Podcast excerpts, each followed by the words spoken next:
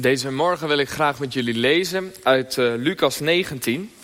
En we gaan nu niet, we zijn nu, gaan nu langzaam richting kerst. Maar in het verhaal gaan we langzaam richting Pasen. En Jezus was net in Jericho geweest. Hij had de gelijkenis van het talenten verteld. Over dat elk van de dienaren van een koning, die hadden vijf, als ik het goed heb, vijf, twee en één zilverstukken gekregen. En de eerste twee, die hadden dubbele winst gemaakt. En de derde, die had gezegd, ik stop het maar op de grond, in de grond, want ik ben angstig voor mijn meester. En nu vinden we Jezus die onderweg naar Jeruzalem is om uiteindelijk daar veroordeeld te worden. En dan lezen we over de intocht in Jeruzalem. Dat is Lucas 19 vanaf vers 28. Na deze woorden trok Jezus verder op weg naar Jeruzalem. Toen hij, toen hij Betfage en Betanië bij de Olijfberg naderde, stuurde hij twee van de leerlingen vooruit. En zei tegen hen, ga naar het dorp daarginds. Daar zullen je een vastgebonden veulen vinden dat nog nooit door iemand bereden is. Maak het los en breng het hier. Als iemand jullie vraagt, waarom maken jullie het los? Moeten jullie antwoorden, de Heer heeft het nodig. De beide leerlingen gingen op weg en vonden het veulen, precies zoals Jezus had gezegd. Toen ze het dier losmaakten, vroeg de, vroegen de eigenaars hem, waarom maken jullie het los? Ze antwoordden, de Heer heeft het nodig. Daarna brachten ze het veulen naar Jezus. Ze wierpen hun mantels over het dier en lieten Jezus erop zitten. Onderweg spreidden de leerlingen hun mantels voor hem op de weg uit. Toen hij op het punt stond de olijfberg af te dalen, begon de hele groep leerlingen vol vreugde en met luide stem God te prijzen, om alle wonderdaden die ze hadden gezien. Ze riepen gezegend hij die komt als koning in de naam van de Heer. Vrede in de hemel en eer aan de Allerhoogste. Maar enkele fariseeën in de menigte zeiden tegen Jezus, Meester, berisp uw leerlingen. Maar hij antwoordde, ik zeg u, als deze zouden zwijgen, dan zouden de stenen het uitschreeuwen. Tot zover.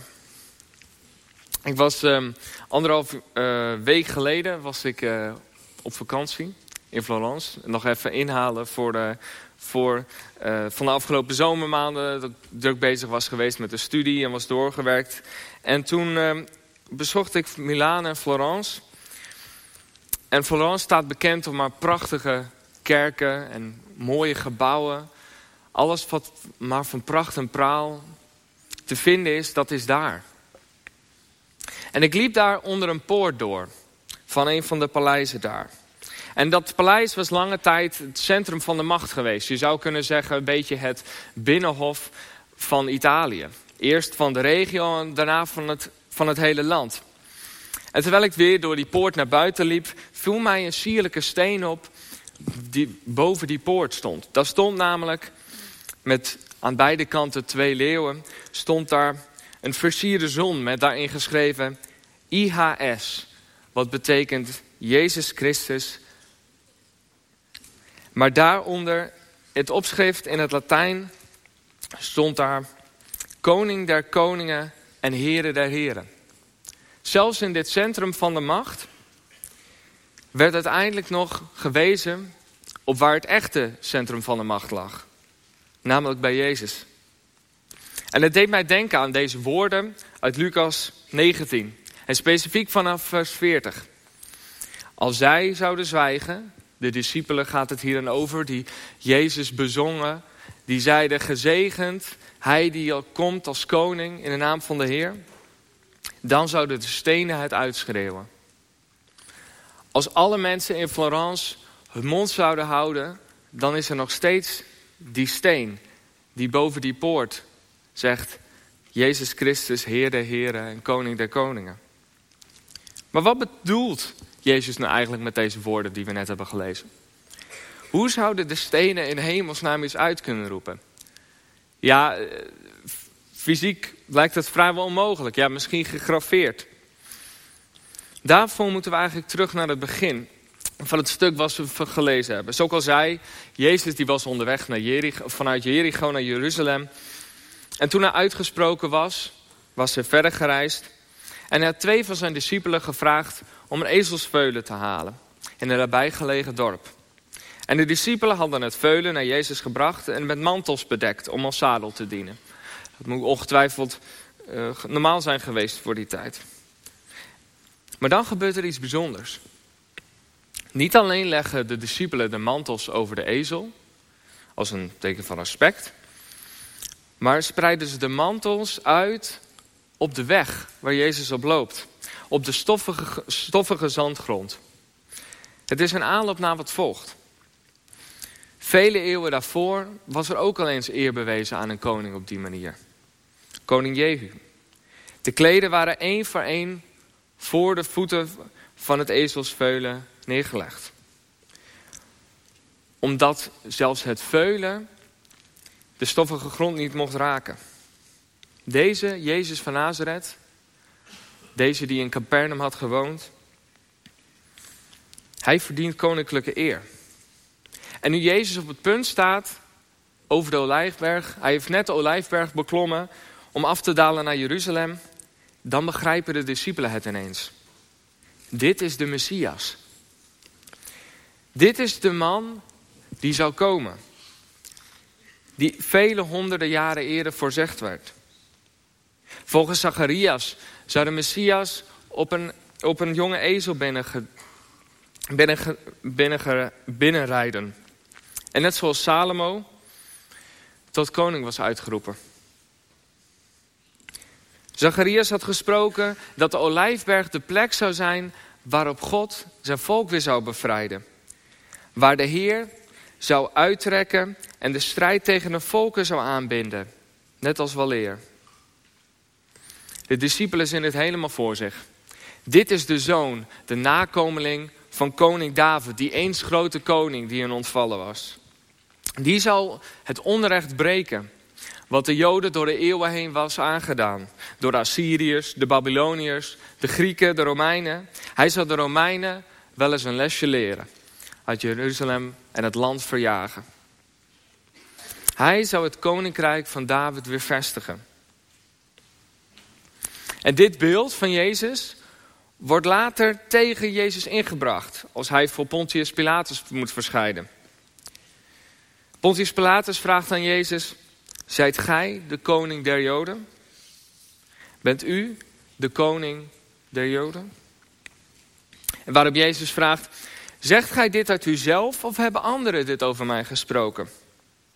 En Pilatus antwoordt, ja, ik ben toch geen Jood? Uw volk en uw hoge priesters hebben u aan me uitgeleverd. Wat hebt u eigenlijk dan gedaan? En Jezus antwoordt, mijn koningschap hoort niet bij deze wereld.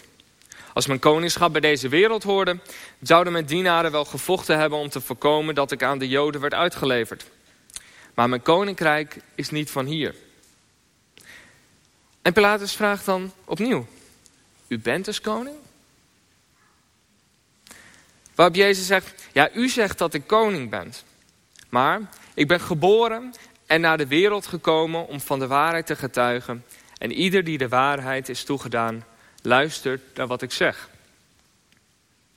Jezus' discipelen roepen hem bij de intocht uit tot koning... naar het idee van een aards koninkrijk. Wat leefde bij de hoge priesters en misschien ook wel bij de deze Pilatus zelf... als een soort van bedreiging. Een koninkrijk van deze wereld. Waarop hij zich misschien op voor zou laten staan. Als hij bij Pilatus zou staan. Als deze, als deze Jezus echt koning was, dan had hij dat toch gewoon wel gezegd.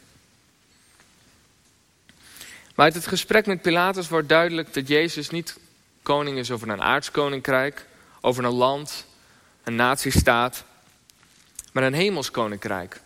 Die deze hele wereld overstijgt. En sommige fariseeën moeten dat eigenlijk misschien toen ook gedacht hebben. Dat de Romeinen ervan zouden horen, dat het zou leiden tot een hele grote volksopstand die met geweld door de Romeinen zou worden neergeslagen. Ze roepen Jezus daarom ook maar op om zijn discipelen te bestraffen. Zoals in de oude vertaling over wordt gesproken. Hij antwoordt de ongeruste fariseeën dezezelfde woorden. Die woorden. Als de discipelen zouden zwijgen, dan zouden de stenen het uitschreeuwen. Als de discipelen uit angst voor de gevolgen zouden zwijgen om de waarheid te zeggen, dan zou dat niets veranderen aan de waarheid. Die eeuwen later in die steen, in die marmersteen in Florence gebeiteld zou worden. Jezus Christus, koning der koningen en heren der heren. De waarheid is niet afhankelijk van wat wij ervan vinden of wat wij erover zeggen. Al spreekt niemand de waarheid, al spreekt niemand zich uit over onrecht, die we overal om ons heen zien gebeuren. Dat verandert niets aan wat waar is. Dat verandert niets aan dat onrecht plaatsvindt. Als Pilatus Jezus in het verhoor de laatste vraag stelt, wat is waarheid? Dan laat Jezus deze vraag onbeantwoord en zwijgt. Hij zegt, of hij zegt niet, de waarheid staat voor hem in persoon. De weg, de waarheid en het leven. En al ben je nog zo ver van God geraakt, ook al is er misschien niemand die je inderdaad verteld heeft over deze Jezus. Al heb je geen flauw idee waar ik het over heb. Dan zijn het deze stenen die uitroepen, Jezus Christus, koning der koningen en heren der heren. En het klinkt misschien een beetje absurd. Nou, wat we vanochtend ook weer, wat doorklonk, de wereld om ons heen. Vele duizenden mensen die omgekomen zijn in aardbevingen in Afghanistan. Of de uitbarsting in geweld in Oekraïne die nog steeds voortduurt. En die, die uitbarsting in Israël en de Palestijnse gebieden. Dan is het misschien vreemd om te spreken als deze discipelen. Gezegend hij die komt als koning in de naam van de Heer. Vrede in de hemel en eer aan de Allerhoogste. Of misschien is er juist in je persoonlijk leven lijden. Of is je onrecht aangedaan. Dan is het misschien dwaasheid om te spreken over geloven. Laat staan roepen dat er een koning en een heer is die niet van deze wereld is. Maar die toch alles in zijn hand houdt. Die bij jou persoonlijk betrokken wil zijn. Dat deze koning, als zoon van God, na het verhoor met Pilatus werd weggebracht. Werd gemarteld, werd gekruisigd. Na drie dagen weer opstond uit de dood. Naar de hemel ging. En aan de rechterhand zit van God de Vader. Als koning der koningen en heren der heren. Dat hij dit allemaal deed. Zodat wij weer terug konden komen bij God, onze schepper. Dat het lijden en onrecht, wat wij misschien ook anderen aandoen, voor is betaald. Dat we helemaal nieuw mogen worden. Hem mogen navolgen in nieuw leven met hem. Dat we zijn geliefde kinderen mogen zijn. Mogen genoemd worden. Ja, dat is geen dwaasheid, maar dat is de kracht van God. Amen. Laten we bidden.